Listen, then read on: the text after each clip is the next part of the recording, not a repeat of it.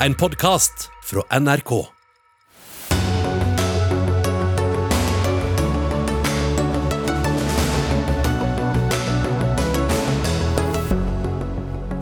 Nye karanteneregler for barn og unge bekymrer lærerne, frykter smitte ved skolestart. Katastrofalt for idretten når viktige OL-begivenheter ikke blir sendt på TV, sier tidligere håndballtrener Frode Kyvåg. Han møter vertskanalen Discovery til debatt. Senterpartiets Trygve Slagsvold Vedum vil innføre et seks måneders beredskapslager av mat. Det er overhodet ikke nødvendig, svarer Høyre. Badende gjester på stranda ved Glomma blir bedt om å ha på seg badetøy. Slike beskjeder gir folk nakenskam, sier en av dem som ønsker å bade naken. Ja, Velkommen til Dagsnytt 18 denne fredagen. Jeg heter Anne Katrine Førli. Vi skal også snakke om den arabiske våren og Tunisia etter store protester i landet. Men aller først, vi begynner med det nye smittekartet over Europa og reiserådene fra Folkehelseinstituttet og regjeringen som kom i dag. Grønne land blir oransje, og oransje blir røde. Hvis du f.eks. er på reise i Italia eller Island, kan det nå bli karantene når du kommer hjem. Frode Forland, fagdirektør i Folkehelseinstituttet. Ja, Island, Italia går fra grønt til oransje. Hva, hva betyr egentlig dette her? Det er jo litt mange farger på dette kartet nå, så for å gjøre det enkelt, så kan vi si at det som gjelder for Norge er egentlig grønne, røde og mørkerøde land. Og de oransje er i samme kategori som de røde. Så når noen går ifra grønt til oransje eller rødt, så oppstår det at de da igjen må i karantene når de kommer tilbake. Eh, og hvis noen land er mørkerøde, så må de også på karantenehotell.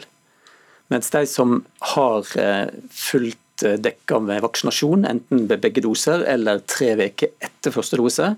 De slipper gjennom uten testing og uten karantene. Uansett hva land de kommer fra. Akkurat, så Det er karanteneregler for oransje, røde og mørkerøde land. Men ikke, det gjelder altså ikke de som da er beskytta, altså har én dose etter tre uker eller fullvaksinerte, men for alle de andre. Sånn er det. Og så er det sånn at De skal testes, også alle de som kommer fra grønne land på grensa. Eh, når de kommer inn til landet, dersom ikke de har et gyldig koronapass. Hvor lite smitte må et land ha for at det skal bli grønt på deres kart? Ja, da må det være eh, grovt sagt under 50 per 100 000 de siste to ukene, og mindre enn 4% positive tester. Nettopp. Er det sånn nå at folk egentlig bør la være å reise til utlandet, ut fra det dere vet om smitten nå i disse landene, siden dere stramme litt til eh, på dette fargekartet? Ja, Fargekartet reguleres av de eh, kriteriene som er sett. Og det som er Situasjonen er jo at smitteståa i, i, Europa er ganske urolig. Og Det er flere land som du nevner nå som går over i oransje og rød sone, og noen fra rød til mørkerød sone. Så, sånn sett så har jo vårt råd vært hele veien at i år er det lurt å ta ferien i Norge. Fordi Dersom du blir syk i utlandet, så må du forholde deg til lokale restriksjoner og regler. Du må forholde deg til det lokale helsevesenet, og du skal ikke reise hjem dersom du er blitt smitta. Så da skal du sitte i isolasjon der du er, til du har gjennomgått infeksjonen. Så Sånn sett så er jo situasjonen litt ustabil. og eh, både regionene i Norden og landene i Europa endrer seg jo ganske mye fra uke til uke. Vi oppdaterer dette kartet hver uke. Og alle som reiser må jo da passe på å følge med og være oppdatert. Men vi hører jo altså, som du også sier, om økt smitte av dette deltaviruset i, i flere land. Eh, og, og da, da, lurer jeg på, hvordan vurderer dere situasjonen nå i forhold til forrige høst, da vi fikk en nedstengning etter at folk kom hjem fra ferie, i forhold til importsmitte? Ja, situasjonen er mye bedre nå, fordi at den største delen av den voksne befolkning faktisk allerede er vaksinert. og Det er jo de som står i fare for å bli alvorlig syke. Eh, nå er vi oppe i over 80% av de over 18 år som har fått første dose, eller minst én dose. Og Det gjør jo at vi ikke tror at vi får en så alvorlig smitteøkning, selv om vi nå ser en økt smitte pga. delta-varianten og pga. mye reiseaktivitet. Så situasjonen er på mange måter gunstig. Og Vi regner med at vi kan holde dette under kontroll, men vi må forvente litt mer smitte utover i eh, denne slutten av juli, begynnelsen av august og kanskje ut i september. Reglene nå er at dere godkjenner norske og europeiske vaksinepass. Mm. Men den britiske ambassadøren i Norge skriver bl.a. på Twitter at han håper Norge snart vil vurdere å godkjenne britenes koronapass, slik eh, enkelte andre land har gjort. Når skjer det? Eh, akkurat når det skjer, vet jeg ikke, men det blir jobba med dette nå. og Det er både juridiske forhold som en tar omsyn til, det er faglige spørsmål som er knytta til dette, og tekniske spørsmål. Og Det gjelder ikke bare Storbritannia, det gjelder for en rekke land utenfor EU. Så dette er noe som det blir jobba med nå, både i eh, E-direktoratet og i vårt direktorat, og i, i, sikkert i Helsedirektoratet òg. Her er det et sammen Eh, samarbeid mellom de relevante aktørene for å prøve å få dette opp å stå. Snakker vi om et par uker, eller eh, hva vil du anslå? Vi får håpe at dette kommer på plass i løpet av august iallfall. Takk skal du ha, Frode Forland, fagdirektør i Helsedirektoratet. Nei, unnskyld, i Helse, Folkehelseinstituttet. Vi skal til en som jobber i Helsedirektoratet nå, eh, og det er eh, Espen Råsbud Nakstad som sitter her i studio. For vi skal fortsatt snakke om korona. Denne uka kom nyheten om at barn og unge skal slippe å gå i smittekarantene når skolen begynner igjen. I etterkant av dette har flere lærerorganisasjoner gått ut og kommet kommet med bekymring for økt smitte.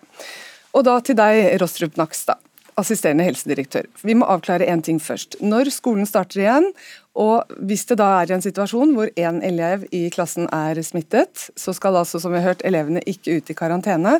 Men det mange har lurt på er hva skjer da eh, med læreren? Jo, først kan jeg aller først si at eh, Det som skjer er ikke at det bare at de ikke skal ut i karantene, det skal erstattes av regelmessig testing. Og Den testingen kan bli til og med hver dag kanskje, hvis det er hjemmetester, eller det kan være annenhver dag hvis du tar det med PCR-test. Så det er et regime hvor man skal være helt sikker på å fange opp smittetilfeller når elever blir smittsomme, sånn at ikke vil får videre smittespredning i skolen. Eh, og Det er jo nettopp fordi at da slipper man at eh, kanskje en hel skole må i karantene. For det er veldig vanskelig å avklare hvem som faktisk er nærkontakt i skole, et skolemiljø. Eh, nærkontakter er jo nærmere enn to meter i minst 15 minutter, så det er det som er liksom utfordringen. At det er vanskelig å avklare nøyaktig hvor det er. Så nå kan man eventuelt da gå inn hvis kommunen har kapasitet til det, og heller si ok, dere som vi er litt usikre på, eh, som ikke bor sammen med vedkommende, dere kan fortsette å gå på skole, men dere skal testes hver dag eh, i hele karanteneperioden. Det er poenget. Men, men de, de, skal ikke nødvendigvis i karantene selv om det er smitte i klassen. Hva skjer med læreren?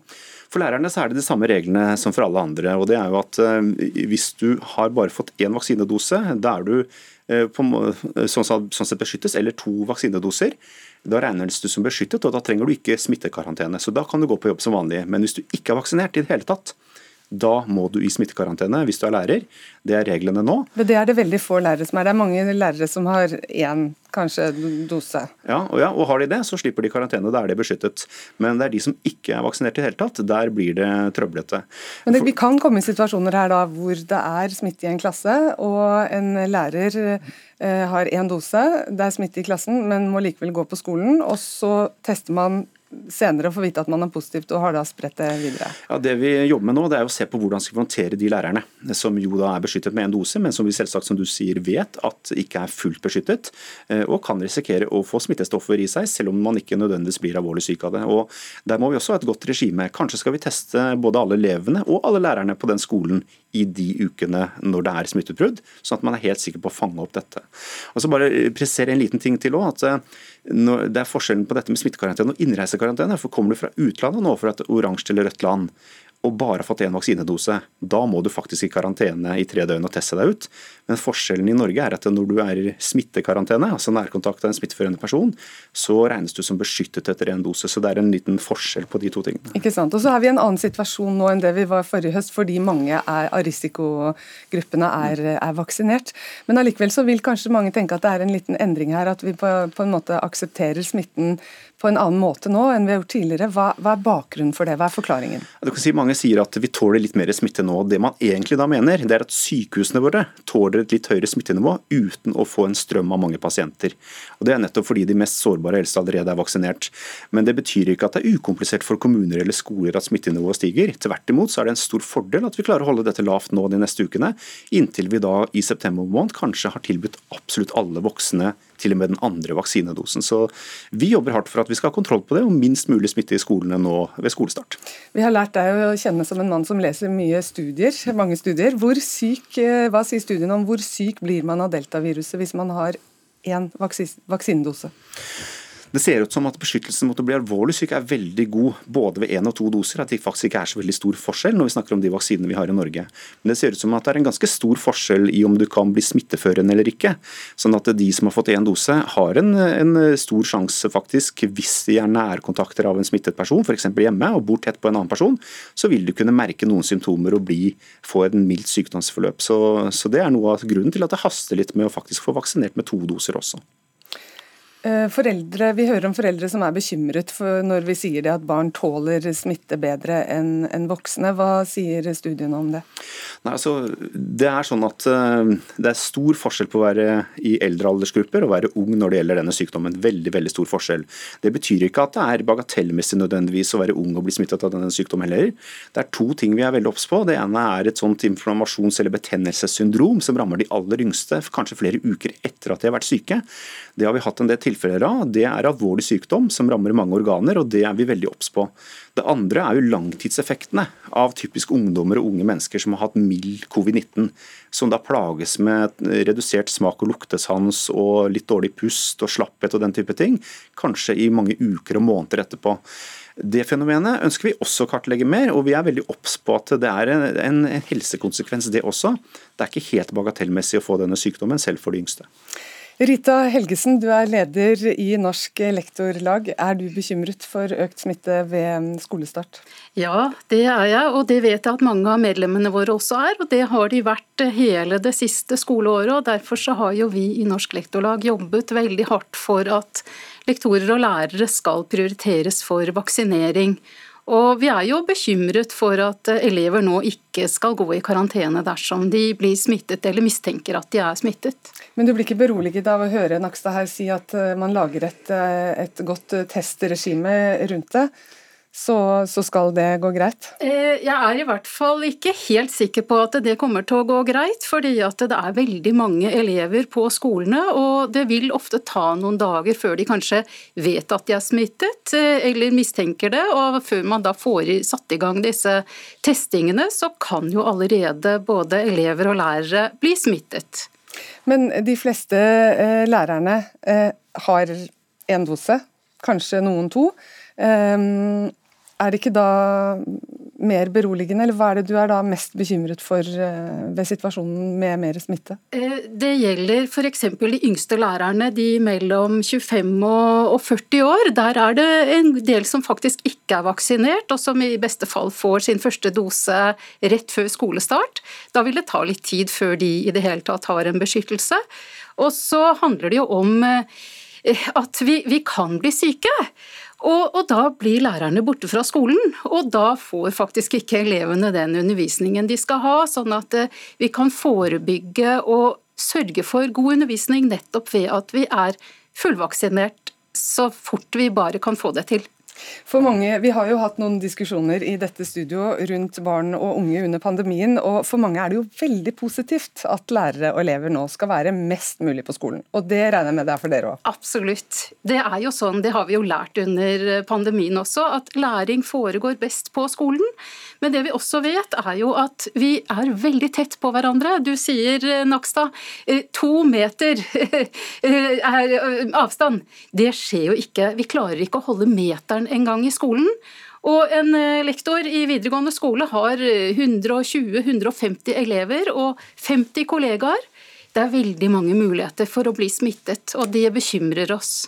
Vi inviterte Helse- og omsorgsdepartementet for å være med i denne samtalen med deg i dag. De hadde ikke anledning til det. Men eh, Espen Rostrup Nakstad sitter her og, og hører på deg. Hva sier du til at det er vanskelig å holde den tometeren i skolen? Ja, det er absolutt det, og det har vært et problem i hele pandemien. og Vi forstår veldig godt den bekymringen som er. Og Det er klart at det er en litt økt risiko med dette. Dette er jo noe FHI har vurdert faglig sett og anbefalt. Eh, og Grunnen til at vi eh, tenker at det kan være fornuftig å gjøre dette, er jo dels at eh, det faglige grunnlaget er ganske godt. Det andre er at vi allerede har prøvd ut regelmessig testing på skoler i stor skala i Oslo og i Vestland fylke. Eh, og klart å fange opp veldig mange smittetilfeller, og nesten holdt smitten borte fra skolene da før sommeren i mange skoler der. Eh, og Det tredje er eh, det at vi nå ser at tiltaksbyrden vil bli stor hvis det blir sånn fortsatt at en hel skole må i karantene fordi to elever på skolen er smittet. Så, men dette, dette, betyr ikke at dette nødvendigvis alltid skal gjennomføres. Blir det et stort smittebrud, så vil man håndtere det og gå til gult og rødt nivå som vanlig. Det er ikke noe forskjell på det. Og, og hvis det blir sånn at man ikke klarer i skolen eller i kommunen å gjøre, gjennomføre dette, så blir det karantene. Så altså, dette er for de kommunene og de skolene som klarer å lage dette som et godt alternativ til karantene. Ja, jeg håper jo selvfølgelig som deg at dette går bra. Vi vil jo at eh, elever og lærere skal være sammen og jobbe med undervisning og læring i skolen. Og vi vil jo gjøre alt vi kan for at det skal gå bra, men vi vil igjen oppfordre både kommunene, altså arbeidsgiverne våre, og de politiske myndighetene til å prioritere vaksinering av lærere. Det har jo allerede i april alle lærerorganisasjonene bedt om. Og regjeringen har også sagt til kommunene at de kan prioritere lærere, men det har jo dessverre i liten grad skjedd. Men det er ikke for sent, så bare stå på og prioritere lærere for vaksinering. Da sender vi den utfordringen videre til eh, de rette instanser. Takk for at dere kom i studio. Rita Helgesen, leder Norsk Lektorlag, og Espen Rostrup Nakstad, assisterende helsedirektør.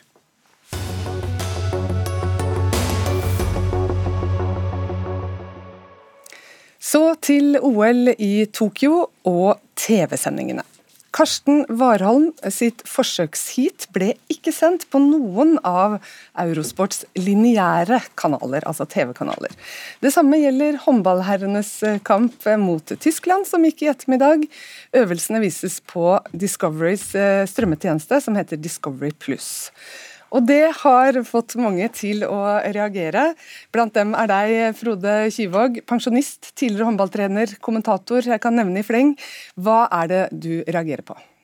Nei, jeg blir trist og lei meg når, eh, kanskje uten å overdrive, flere hundre tusen mennesker plutselig ikke får anledning til å følge de største favorittene sine, eh, håndballherrene, og selvfølgelig også en Warholm i friidrett, eh, med en halv dags varsel. Det, det syns jeg var trist og leit. og Spesielt fordi at dette er jo en rettighetsinnehaver som også har linære kanaler, som det kunne vært fullt mulig å ha gjort, og det har vi også gjort tidligere i, under OL.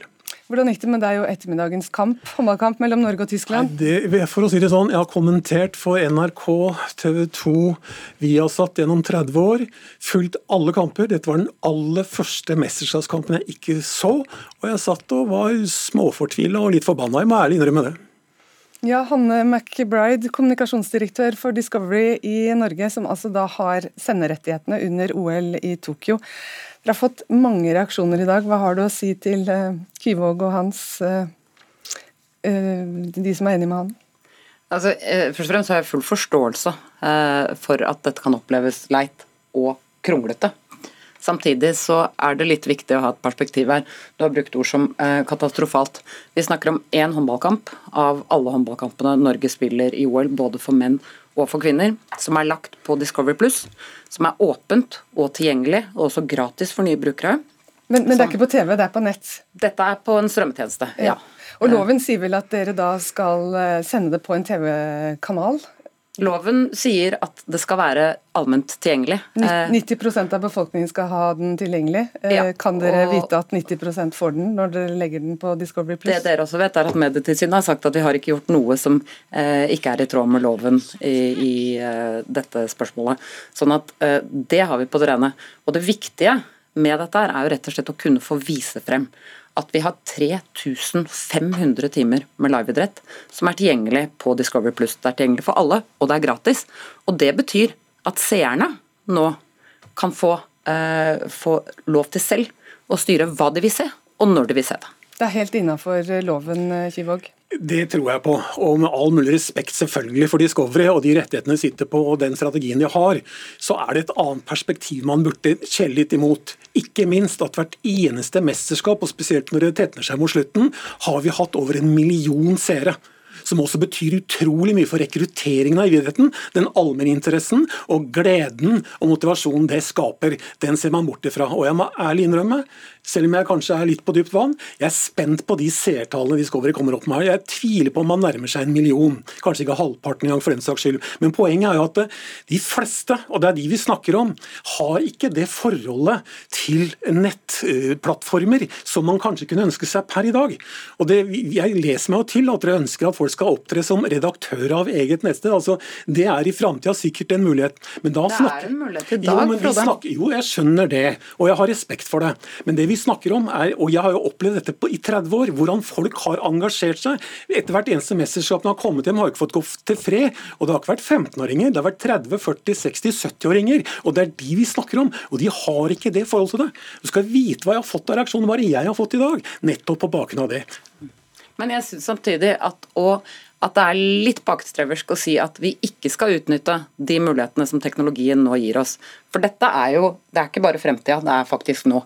Du kan sitte og se, du kan velge deg helt selv. Og hvis du, som jeg, da, er litt interessert i litt smalere idretter, som du tidligere år kanskje har vært heldig hvis du har fått fem minutter eller at det har gått eh, Og når det ikke er noe annet nordmenn vil se på, da har du fått anledning til å se det. Nå kan du se alle minuttene av alle øvelsene. Men ser du forskjellen på å titte på et nett, på en PC på 7-8-9 tommer, kontra en TV-skjerm på 50? Absolutt, men er det også sånn at uh, denne tjenesten lar seg helt fint spille av på TV-skjermen på 50 tommer og på TV-skjermen på 32 tommer? Det tommer. skjønner ikke mora mi nå av. Nei, men vet du hva? Det skjønte ikke moren min heller noe av. Eh, Men det er ca. et halvt år siden jeg eh, ga henne Netflix. Og hun brukte skal sies at det var ti litt kronglete minutter.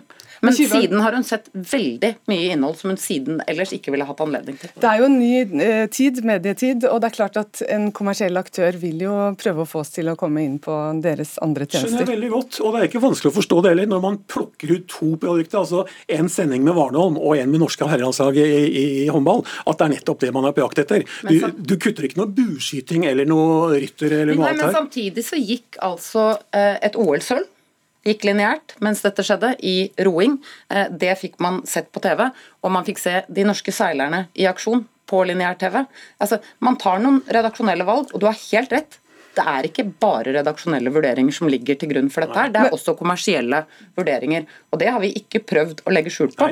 Ønsket vårt er at folk skal få med seg at Discovery Plus gir deg alt dette her, og det er gratis for nye brukere under OL. Men eh, Hanne McBride, hvis du hadde visst at disse reaksjonene ble så sterke, hadde dere vurdert det annerledes? Eh, jeg tror Jeg har ti år eh, på baken i Discovery. At reaksjonene ville komme, det var vi forberedt på. Da tar vi med oss en tredje person her. Anniken Huitfeldt, stortingsrepresentant fra Arbeiderpartiet og tidligere kulturminister. Du har også engasjert deg i OL-sendingene, og sier at det er et demokratisk spørsmål, dette at alle skal få tilgang til gratis sendinger under OL. Hvorfor handler dette om demokratiet? Jo, For det handler om at de store begivenhetene, de skal alle kunne se. Og da vi innførte denne forskriften, da, at vi listeførte noen store idrettsarrangementer, så var det jo slik at TV-kanalene var veldig imot dette. Og sa at dette burde vi ikke gjøre. Og så lagde vi denne forskriften, og så sa vi at disse arrangementene er så viktige for folk at de skal alle kunne se gratis. Og jeg tviler på at 90% av befolkningen har tilgang til smart-TV. Altså kan vi godt si at ja, ja, det må du kunne lære faren din, men altså på så kort varsel. Og har det vært mulighet til å få hjelp på telefon? Og når jeg klikker på da, Discovery og sier 'se gratis', så må jeg gjennom en veldig stor mølle. Og jeg tror at hensikten også er litt at jeg skal kunne se det gratis nå, men jeg har jo gitt opp kredittkortet mitt. Og så får dere veldig mange da som glemmer å melde seg av. Så jeg mener at dere er nok innafor loven hårfint, men det er utrolig uklokt. For dette var jo en forskrift hvor vi ikke lytta helt til dere, for det er mye mer som er gratis enn det TV-selskapene opprinnelig ville, men vi har en felles forståelse i hvordan loven blei. Men nå tøyer dere grensene veldig, og det er ikke særlig klokt. Eh, til det vil jeg si at det som har skjedd, er jo nettopp at teknologien har utviklet seg. Vi har anledning Nei, men Du må svare på til det med 90% At hun tviler på at dere når 90% Jeg svarte på det i stad. Medietilsynet har sagt at det er ingenting eh, eh, med det som gjøres nå, som ikke er i tråd med den forskriften. Det er det, det, er det de sier om dette. Er du ikke fornøyd med det Jo, Medietilsynet men kommer med? En ting er loven, en annen ting er jo intensjonen med loven. Og så har veldig mye skjedd på teknologisida. Så jeg syns at kulturministeren skal sette seg ned sammen med dere og se om dere tøyer grensene litt langt her. Og så får vi eventuelt lage nye forskrifter da, som er i tråd. Da må det i hvert fall være sånn at jeg kan trykke gratis, og så får jeg gratis. Nå må jeg gjennom en kjempestor mølle. Det, det, det må du gjennom for å se på lineær-TV i dag også, fordi du er nødt til å gå gjennom en distributør for å få tilgang til lineær-TV. Og det er også, Da må du også være kunde hos noen for å få den tilgangen. Så det, Der er det ikke noe annerledes. Nei, Det tror jeg, altså Hvis du går til ei dame på 80 år og sier det, så tror jeg det vil være ganske ulik oppfatning. År, hvis en dame på 80 år flytter til et nytt hus, eh, da må hun eh, velge seg det lineært. Hun må være kunde, hun må ha et kundeforhold hos en av distributørene, på samme måte som du har et kundeforhold digitalt. Og dette her er vi kan ikke sitte og se tilbake til en tid der hvor NRK hadde én kanal. Vi er gammeldagse her. Det er jo du som er gammeldags, fordi du vil at mer skal være kommersielt. Og Det er derfor vi har lagd denne loven som TV-selskapene var imot. Vi må sørge for at eh, dere skal tjene større inntekter på en kommersiell måte, men noen store idrettsbegivenheter som OL skal være åpent og tilgjengelig for alle. Og Derfor så trenger vi gode forskrifter, gode mm. lover. Og vi trenger altså gode TV-selskaper som, som, følger intensjonen i loven, og det mener jeg at Men dere ikke gjør. Men Er det ikke ja, fordi... bedre at det er åpent og tilgjengelig for alle, og de kan velge selv hva som skal være den store begivenheten. Men, men, har du men, velge selv. Du får jo ikke valgt selv når du ikke har tilgang til Discovery og får greie på med en 8-10 timers forvarsel om at Warholm vises ikke på TV Norge eller Eurosport i natt, han vises på Discovery Plus. Og det samme håndballæren, da har du ikke det valget. Hadde dere enda gjort det noen uker i forveien istedenfor programendring underveis, så tror jeg det også vært lettere for å forstå. For det er klart at Folk flest vi skjønner jo at det er en utvikling her som sier kommersielle interesser, og de må du ivareta. skjønner veldig godt, Men det er enkelte ting som blir helt gærent, og dette er et av de. Altså Håndballkampene våre det er nasjonaleiendom. Akkurat som Norge, Brasil i fotball eller Varendal nå blir. Og de kunne dere kanskje trådt litt varsomt på, så hadde dere ikke fått de samme reaksjonene. Ja, for Hanne McBride, Det hjelper jo ikke at du sier at det er lett hvis andre ikke får det til. Og Det er et veldig godt poeng, og det er jeg helt enig i. Sånn at eh, Jeg har vært i kontakt i dag med Seniornett, som jo får eh, masse penger bevilget uh, over statsbudsjettet, nettopp for å hjelpe eldre mennesker å komme seg på nett. Jeg har vært i dialog med dem tidligere i dag og spurt hva, hva kan vi gjøre for at dette skal bli lettere. Og jeg tenker jo også eh, at det kan man jo også ta tak i, for det er jo et større samfunnsproblem. Større samfunnsproblem at det er en håndballkamp uh, av mange håndballkamper som kanskje uh, ikke er tilgjengelig for noen eldre. Men, men en ting er hva dere setter i gang da og gjør etter hvert, men fortsatt så, skal, så, så, er det sånn at dere har ikke brutt loven, men intensjonen om å nå så mange er fortsatt da vanskelig. ikke sant? Så det er jo intensjonen her på nåværende tidspunkt vi snakker om, som da blir vanskelig å oppnå for dere. Og det er det som er mitt poeng også, er at dere er innafor. Men intensjonen det er at det skal være åpent og tilgjengelig for alle. Og realiteten er jo ikke sånn. Og Det er der jeg mener at dere har et litt større ansvar enn det du nå legger for dagen. Og sier at du må oppdra 80-åringer og sånn. Ja, vi er enige om det. Vi skal gjøre alt vi kan for å få til det. Og så sender du liksom ballen tilbake til oss politikere at vi må bli bedre på det. Men nå står vi midt i et OL. Vi vil følge med på Varevoll. Vi vil følge med på håndballgutta. Og så er det så vanskelig. Så spørsmålet så nå er, vil du ta det ansvaret nå, McBride? Nå er det jo sånn at Den beslutningen som ble tatt, altså tas eh, redaksjonelle beslutninger fortløpende underveis i et sånt stort arrangement som dette er, absolutt hele tiden. Fordi kamper går på overtid, og plutselig så er det en tyfon. Eh, denne beslutningen ble tatt i går, og den gjaldt friidretten, som har gått i dag, og den gjaldt den håndballkampen. Det er det som er gjort til nå. Eh, det er fortsatt latterlig mye eh, norsk innhold tilgjengelig på lineære kanaler. Jeg, tror, jeg, tror, jeg, prøvde å gjøre en oppsummering. Er, vi snakker 700 timer med liveinnhold på våre lineære kanaler som er tilgjengelig for det norske folk. Hvor mange av de som er interessante for folk flest, bortsett fra de med særinteresser. Og jeg Det er utrolig trist hvis det blir slik nå at det er en halvpart av den millionen som får anledning og får muligheten til å se den håndballen. Det går utover alle parter, også dere. Så den håper jeg inderlig ikke gjør. Da har jeg et godt råd. Ikke rør Norge-Frankrike til søndag, og ikke rør Norge-Nederland i morgen. Vi si det sånn at Jeg tar med meg det rådet eh, tilbake til redaksjonen. Frode. Tusen takk. Da er det mange som blir glade. Takk for at dere var med i studio her. Hanne McBride, kommunikasjonsdirektør i Discovery. Frode Kyvåg, pensjonist og tidligere idrettsleder. Anniken Huitfeldt, stortingsrepresentant Arbeiderpartiet.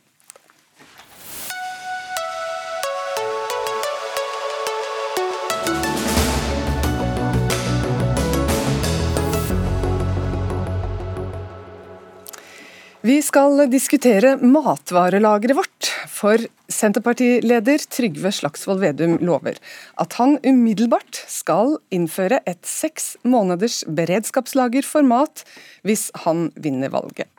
Og Trygve Slagsvold Vedum, vi har med deg på en linje her, leder i Senterpartiet. Hvorfor trenger vi, oss, trenger vi et så stort matlager her i landet? Det er en uh, forsikring. Altså, vi er veldig sårbare som land når vi ikke har noen beredskapslager med mat i det hele tatt. Det vi har statlig nå, det er 30, nei, det er 3, det er 30 000 matdoser i tre dager. Det er det vi har i dag som statlig beredskapslager. Så det er i, i praksis eh, ingenting. Hva er det vi skal, fylle, ha, vi skal mm. fylle det lageret med? Er det mat eller er det korn? Det er korn. Det er det som har vært tradisjonen. Altså, vi har i Nabolandet vårt Finland har jo et sånt beredskapslager. Fordi De mener at den er for sårbart som nasjon i Finland hvis man ikke har den type beredskapslagring. Og Finland var jo den vi så til i fjor i starten av pandemien i Norge. for De hadde også et beredskapslager på smittevernutstyr og annet medisinskteknisk utstyr som ikke vi hadde. Som gjorde at det var bedre rusta i starten av pandemien. Så det her handler om å ha en forsikring. Annet som vi har andre typer beredskapsinstitusjoner, sånn at vi er godt forberedt hvis det utenkelige skjer. Og, så har jo du og jeg forsikring på huset vårt òg. Vi håper det er unødvendig, vi håper det aldri brenner. Men vi har det for det tilfellet tilfelle det skulle brenne. og en beredskapslagring på mat er akkurat samme tenkninga hvis det skulle være en naturkatastrofe, atomulykke, vulkanutbrudd, andre ting som setter viktige deler av verdens matproduksjon ut av uh, spill, så bør vi ha en, en liten buffer, for mat er den mest grunnleggende varen av alt. Men jeg blir forvirra når du sier at det er korn, fordi vi har vært i kontakt med Landbruksdepartementet i dag, som sier at bøndene hvert år produserer så mye korn under innhøstingen til sine lagre og til møller, som da holder i fire til seks måneder. Og at vi alltid, det brukes jo etter hvert, men at vi alltid har et lager som varer i hvert fall mer enn tre måneder. Så da, og det er jo bøndene som har dette her, så du vil egentlig da bare subsidiere bøndene litt mer, er du da?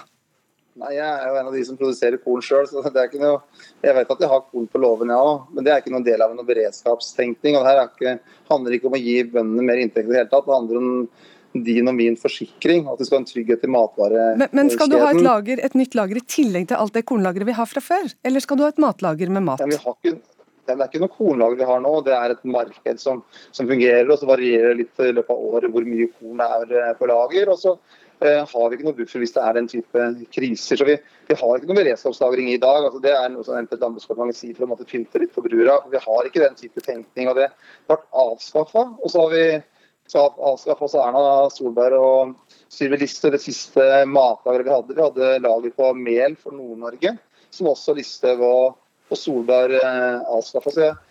Hvor mye skal dette koste? Det her er ikke noe vi egentlig ønsker, men det er en tanke om at det er lurt å ha en forsikring, ha en buffer, ha seks måneder, ha en beredskapsplan. For det har vært helt uh, ute av den norske beredskapsplanen å ha buffere på mat. og Vi mener at det er klokt å ha det på det. og Det siste året har vist oss at det utenkelige skjer. Det var utenkelig at alle skulle løpe rundt med smittevernutstyr uh, for et uh, år siden og masker.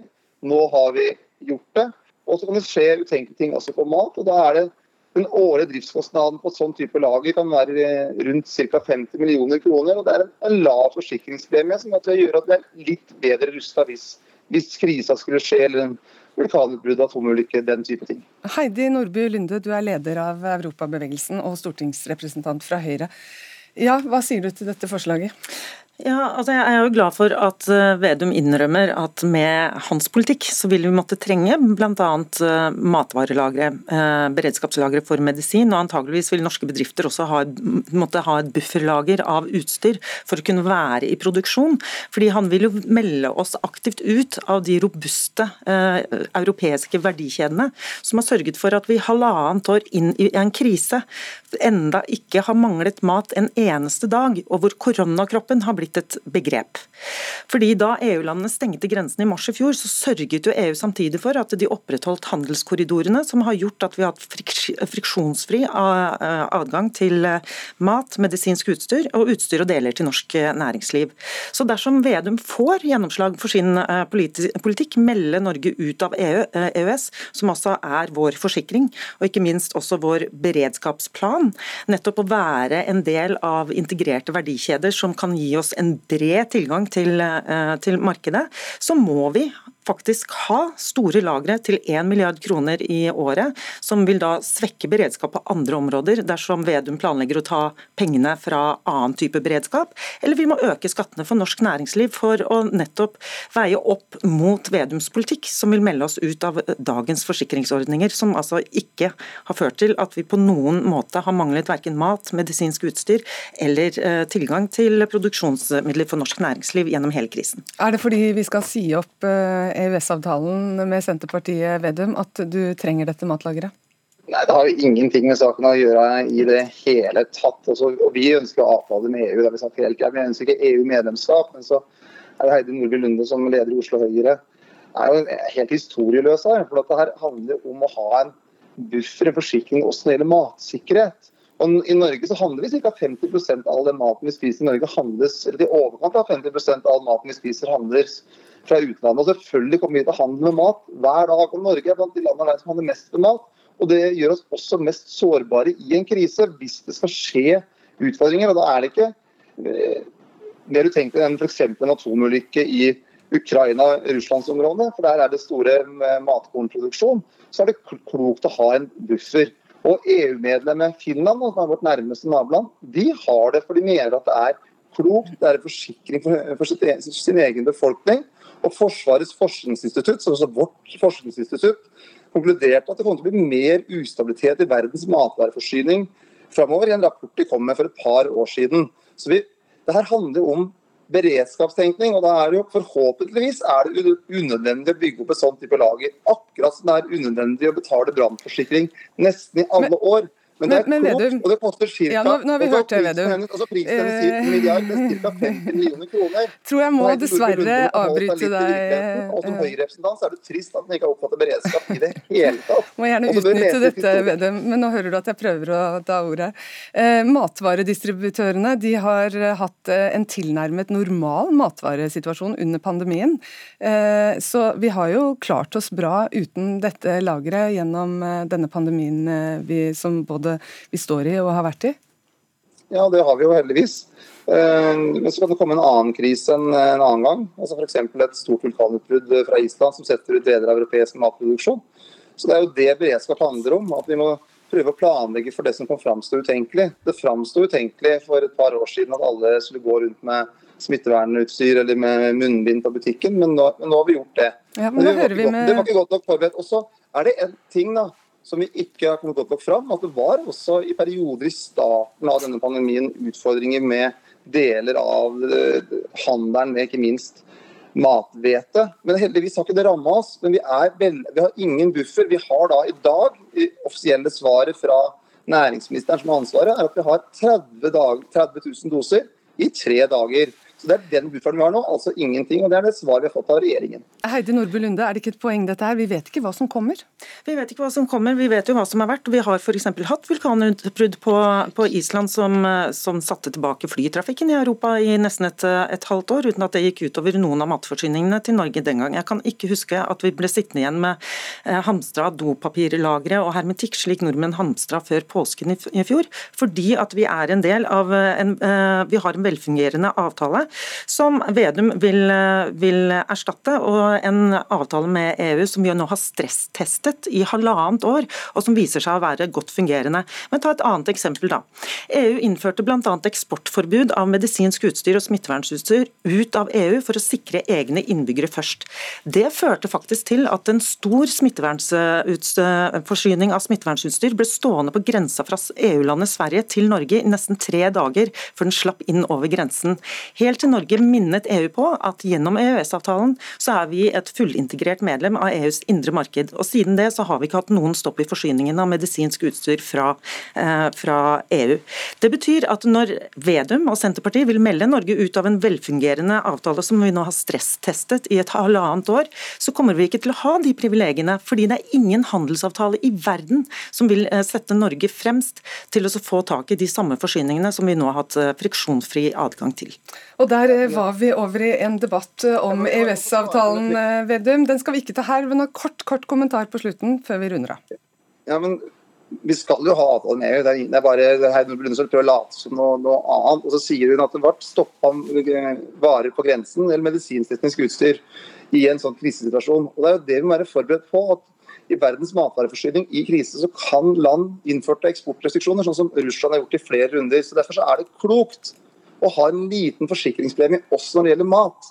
For mat er det mest grunnleggende av alt, og det koster ca. 50 millioner kroner eh, i året. Det er en lav forsikringspremie som blir litt mer trygghet for deg og meg hvis det store ulykka skjer, noe vi selvfølgelig håper aldri skjer. Men det siste år har vist at ting kan skje. Det ble... er det å være, å være en fullintegrert del av en velfungerende avtale som har vist seg gjennom et halvannet års stresstest og fungerer veldig godt på og norske interesser. ble det siste ord i denne debatten. Dere kommer til å fortsette, det hører jeg. Takk skal dere ha, Trygve Slagsvold Vedum, leder i Senterpartiet, og Heidi Nordby Lunde, leder av Europabevegelsen.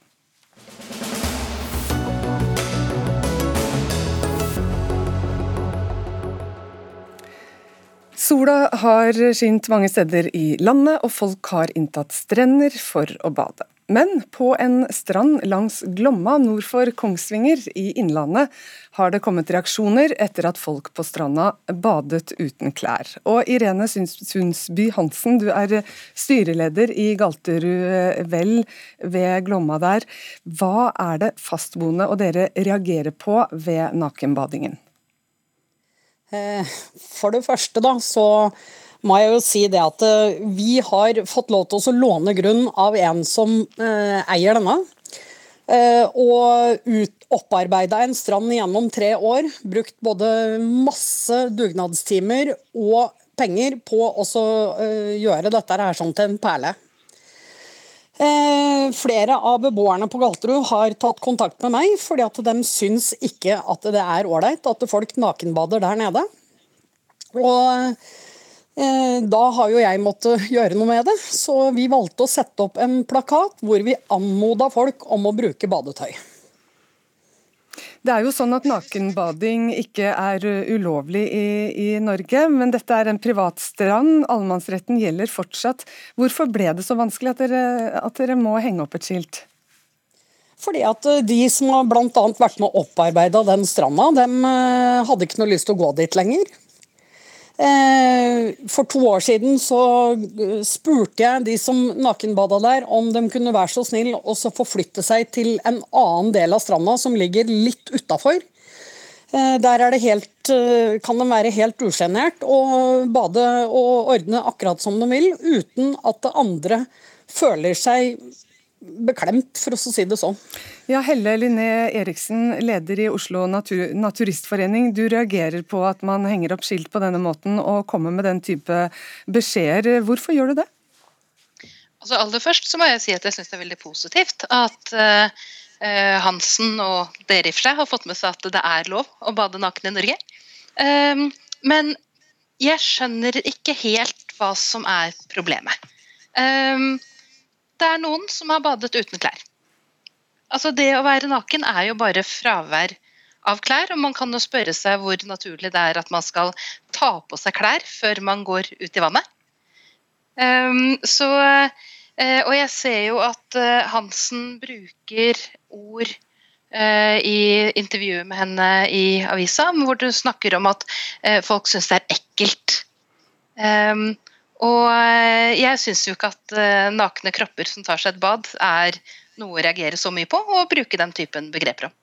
Men det finnes jo også naturiststrender, kan dere ikke bade der da?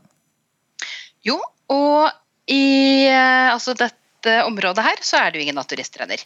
Da hadde de måttet reise til nærmere Gjøvik for å finne en naturiststrand. Ja, Irene Sundsby Hansen, det er vanskelig å finne naturiststrender i nærheten av eh, Glomma, der, eh, der du er styreleder i Vellet? Mm, det, og det stemmer. Men det finnes ca. 5 km med sandstrand som man kan bade og kose seg på langs Glomma, eh, rett nord for Kongsvinger. Eh, og jeg tenker, Hvorfor spør de ikke om de kan få lov til å gjøre i stand og ordne i stand der? Bruke tid, penger og ressurser på å gjøre i stand en nudiststrand, da. Sånn som vi har gjort nede på Mæland. Eh, hvorfor er det så viktig at de må ligge midt iblant alle som nyter strandlivet? Eriksen. Eriksen. Altså, nå har jeg lyst til å si at uh, Det er jo ganske sjelden at man får denne typen saker i media. fordi at stort sett så pleier naturister å eh, bade litt mer diskré. Man finner seg et vann i marka hvor ingen har begynt å bade ennå. Man bader fra oppsi, holmer, båter osv. Um, og selvfølgelig så kan man lage en naturiststrand. Um, det krever jo at kommunen syns at det er en uh, god idé og regulere den som det. Um, og så er det jo, som det ble sagt innledningsvis, man har allemannsretten. Uh, jeg har full forståelse for at her er det et sameie som har lagt inn arbeid i å lage en fin strand, men det er jo sånn at alle har mulighet til å bruke denne stranda, selv om det er de som har laget den. Uh, allemannsretten er noe av det mest dyrebare vi har i Norge. Um, og den gjelder jo da folk både med og uten klær. Men det er en strand som brukes mye av eh, barnefamilier, dette her. og kunne man ikke altså bare respektert at eh, gjestene da ikke ønsker at folk skal kle seg nakne når de er på den stranda? Jo, det kunne man selvfølgelig ha gjort. Um, men jeg har jo lyst til å snu dette her litt. Fordi at disse barna uh, som er på denne stranda uh, Vi vet at barn ned i åtteårsalderen går rundt omkring med en liten datamaskin i lomma, hvor de har tilgang på nakne mennesker ved hjelp av to tastetrykk. Og de menneskene som de ser da, det er mennesker som er retusjert, fiksa på, photoshoppa, eh, valgt ut fordi at de ser ut som et eller annet konstruert skjønnhetsideal. Um, og jeg tror at det er kjempesunt for barn og ungdommer å se helt alminnelige kropper.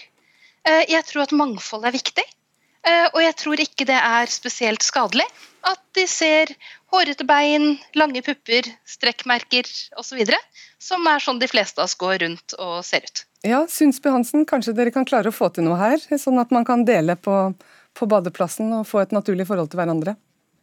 Altså det jeg reagerer på, da, er at det virker som om det er vi som skal ta hensyn til de som vil bade nakne, og ikke motsatt. Det skal ikke tas hensyn til oss. Eh, jeg har ikke noe mot nakne kropper generelt. Jeg jobber innen sykepleie. Jeg steller nakne kropper daglig. Men jeg mener at det må få lov til å være et valg om folk har lyst til å se nakne kropper der de skal bade, og ikke en tvang. Da må vi avslutte denne samtalen. Takk skal dere ha, Helle Linné Eriksen, leder i Oslo Naturistforening, og Irene Sundsby Hansen, som altså er leder i Oslo Naturistforening.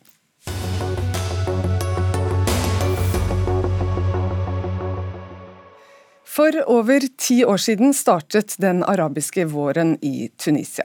Nå stilles det spørsmål om det er et demokrati etter at enda en statsminister er blitt avsatt. For siden den tid har landet hatt fem presidenter, åtte regjeringer med åtte ulike statsministre, og den siste ble avsatt denne uka etter store protester i landet. I tillegg er koronasmitten høy og den økonomiske situasjonen dårlig. Joakim eh, Nahem, Tunisia-ekspert og partner i analyse- og rådgivningsselskapet The Governance Group. Hva er det som foregår i Tunisia nå? Det som skjedde var at På søndag så avsatte den, den tunisiske presidenten Kai Said avsatte regjeringen med statsministeren og suspenderte parlamentet. Dette har ikke skjedd eh, tidligere, og det strides om han har makt til å gjøre dette. Han mener at han har i henhold til eh, den tunisiske grunnloven eh, mulighet til å gjøre dette under det som heter artikkel 80, hvor det er en overhengende fare for landet. Og Han mener at da pandemien og den fastlåste politiske situasjonen gjorde at han ikke hadde noe annet valg. Ehm, dette er jo da selvfølgelig ikke populært eh, blant opposisjonen, og det kalles et kupp, mens blant tunisere flest så virker det som at han har relativt stor støtte, og det var flere som var i gata som eh, jublet og støttet hans avgjørelse på søndag. Ja, for det er mange nå, flere vestlige medier som omtaler det som et uh, statskupp, men du er ikke enig i den analysen? Nei, jeg, jeg, mener det blir feil. fordi Når du sier kupp, så setter du Tunisia i samme bås som uh, Myanmar eller Egypt, hvor når militære eller andre ikke folkevalgte tar makten. I dette tilfellet så er det jo en folkevalgt president. Han uh, vant valget med overveldende flertall i 2019. Og Jeg vil heller kalle det en konstitusjonell krise enn et kupp. Dette er jo da en folkevalgt president som har tatt mer vakt, men også sier at dette er i henhold til Grunnloven. Det som er Problemet eller utfordringen her er at Tunisia har en, en, en, veldig solid grunnlov, en demokratisk grunnlov. En av de få, eh, faktisk den eneste i den arabiske verden. Men det ble ikke opprettet en konstitusjonell domstol. Det var en del av planen for å løse nettopp sånne tvister som man ser nå. Så det finnes ikke noe domstol for å avgjøre hvem som har rett her, om det er presidenten eller opposisjonen som mener det at han har gjort er ulovlig. Ja, Vi husker jo Tunisia som starten på den arabiske våren. Hva er eh, grunnen til at disse protestene og dette skjer i akkurat Tunisia? Bakteppet her er jo at uh, Tunisia har jo på mange måter lykkes med demokratiovergangen uh, her, med at man har hatt uh, avholdt valg. det ble jo nevnt at det har vært mange presidenter og regjeringer, men skal jo nevnes at alle disse er folkevalgte av presidenten, og valg har blitt fredelig avholdt. og Eh, sånn sett så har de lykkes. Men bakteppet her er jo at eh, økonomien er i stampe. Det er mye arbeidsledighet. Det er generelt misnøye med eliten, med de folkevalgte, med politikere som ikke har fått til disse endringene som man skulle ønske i Tunisia av, av reformer, av bedre tjenester og spesielt få fart på økonomien. Så det har jo vært en, nesten en lang tradisjon i Tunisia at man, man tar til gata når man er misfornøyd. Og Det var nettopp det som skjedde i de foregående ukene, at folk Eh, protesterte, ville at eh, politikerne eller parlamentet skulle avsettes og at man skulle ha en ny regjering. og Det er da presidenten har tatt grep, også fordi som det ble nevnt innledningsvis, har jo Tunisia et veldig høyt smittetrykk. Eh, det høyeste dødsantallet av koronatilfeller i Afrika. Og det har igjen da ikke lykkes å, å kunne få til en god vaksineringsprosess. og Da mener presidenten at han måtte ta grep. Takk skal du ha, Joakim Nahem, eh, Tunisia-ekspert og partner i analyse- og rådgivningsselskapet The Governance Group.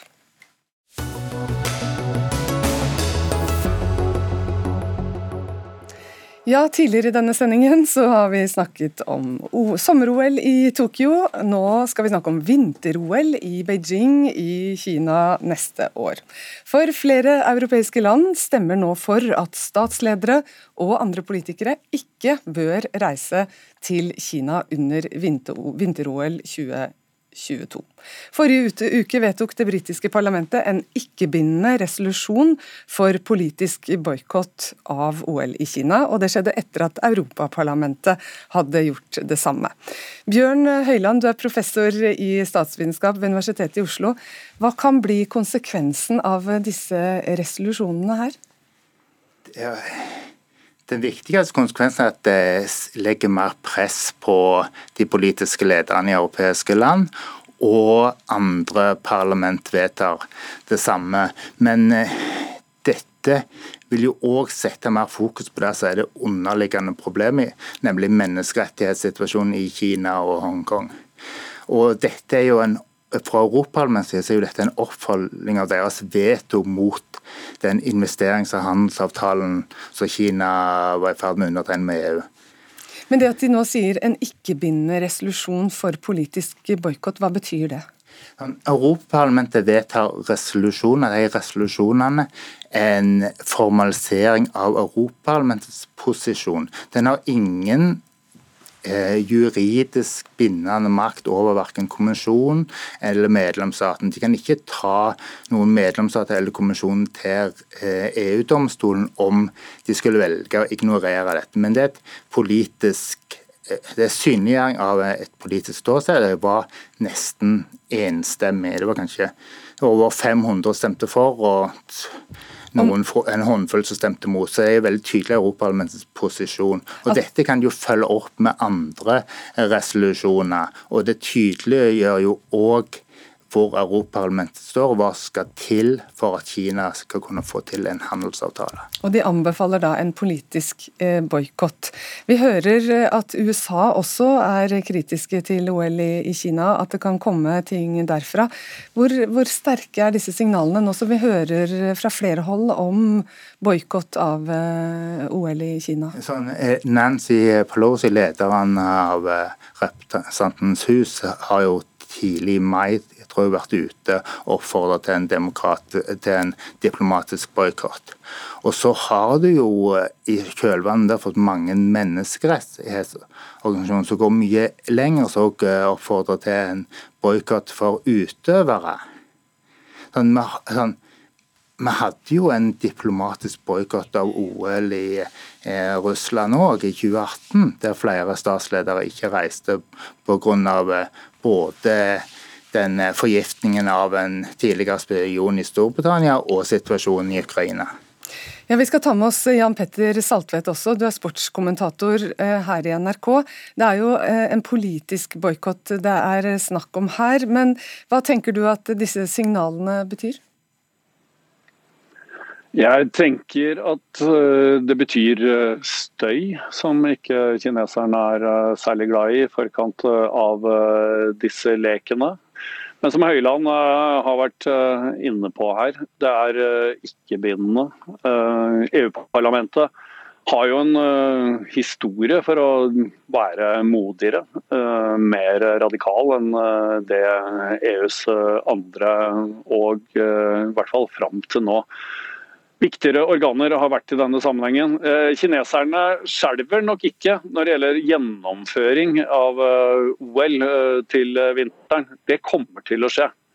Men dette er jo en, det er en bevegelse og det er et omfang som vi ikke har sett sannsynligvis siden nær sagt sist Beijing hadde OL. Men hvis det fortsetter, tilbake til Moskva 1980. Men veldig mange er jo spent på, Høyland nevnte Pelosi, hva president Biden kommer til å si. Han har jo ennå ikke kommet med noen klar anbefaling om hvordan USA skal forholde seg til dette.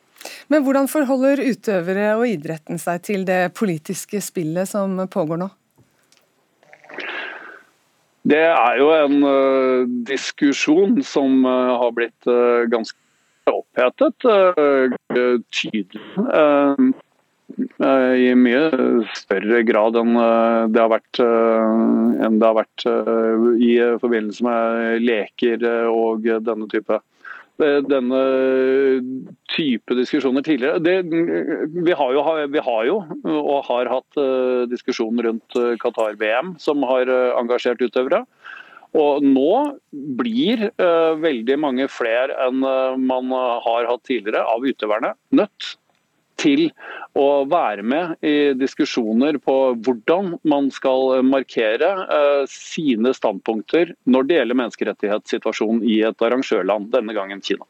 Ja, Da har vi altså hørt at britene, EU og kanskje etter hvert USA er kritiske her. Hva vil det ha å si Høyland, for eh, hvilke vurderinger eh, norske myndigheter gjør når det gjelder å selge offisielle personer, politikere i kongefamilien osv.?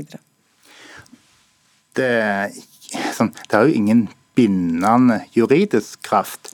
Men det er jo uh, mye vanskeligere å reise hvis en er en av de få europeiske statslederne som, er til stede. Men jeg vil nok tro at det, det burde iallfall være det underliggende, nemlig menneskerettssituasjonen i Kina og Hongkong, som avgjør om uh, kongehuset og ledende politikere skal reise til Kina, ikke hva Europaparlamentet vedtar. Hvis eh, en situasjon som beskrives som folkemord og en fullstendig knusing av eh, sivilsamfunnet i, i Hongkong ikke er grunn nok for norske politikere til å boikotte, så er det veldig uklart for meg hva som vil være grunn nok. Ja, Saltvedt, eh, Hva tenker du i forhold til eh, sannsynlighet ikke for at dette arrangementet blir utsatt for en politisk boikott? Eh, til en viss grad så tror jeg det blir utsatt for en politisk boikott. Men Kinas kraft og mektige posisjon på alle andre områder enn sport gjør at uh, man kommer til å begrense det mer enn de diskusjonene som virkelig brer om seg nå. Uh, og uh, USA er jo en, altså, en sentral aktør i dette, men USA har leker i Los Angeles om bare sju år. Og de vet godt hvor god hukommelse Kina har i slike sammenhenger, som Norge også har opplevd i fredsprissammenhenger. Noe sier meg at vi skal diskutere dette igjen her i dette studio i Dagsnytt 18. Takk skal dere ha, Bjørn Høyland, professor i statsvitenskap, og Jan Petter Saltvedt, sportskommentator her i NRK. Da takker vi for eh, følget. Lisbeth Sellreite hadde det tekniske ansvaret, Sara Victoria Rygg hadde ansvaret for innholdet. I studio Anne Katrine Førli.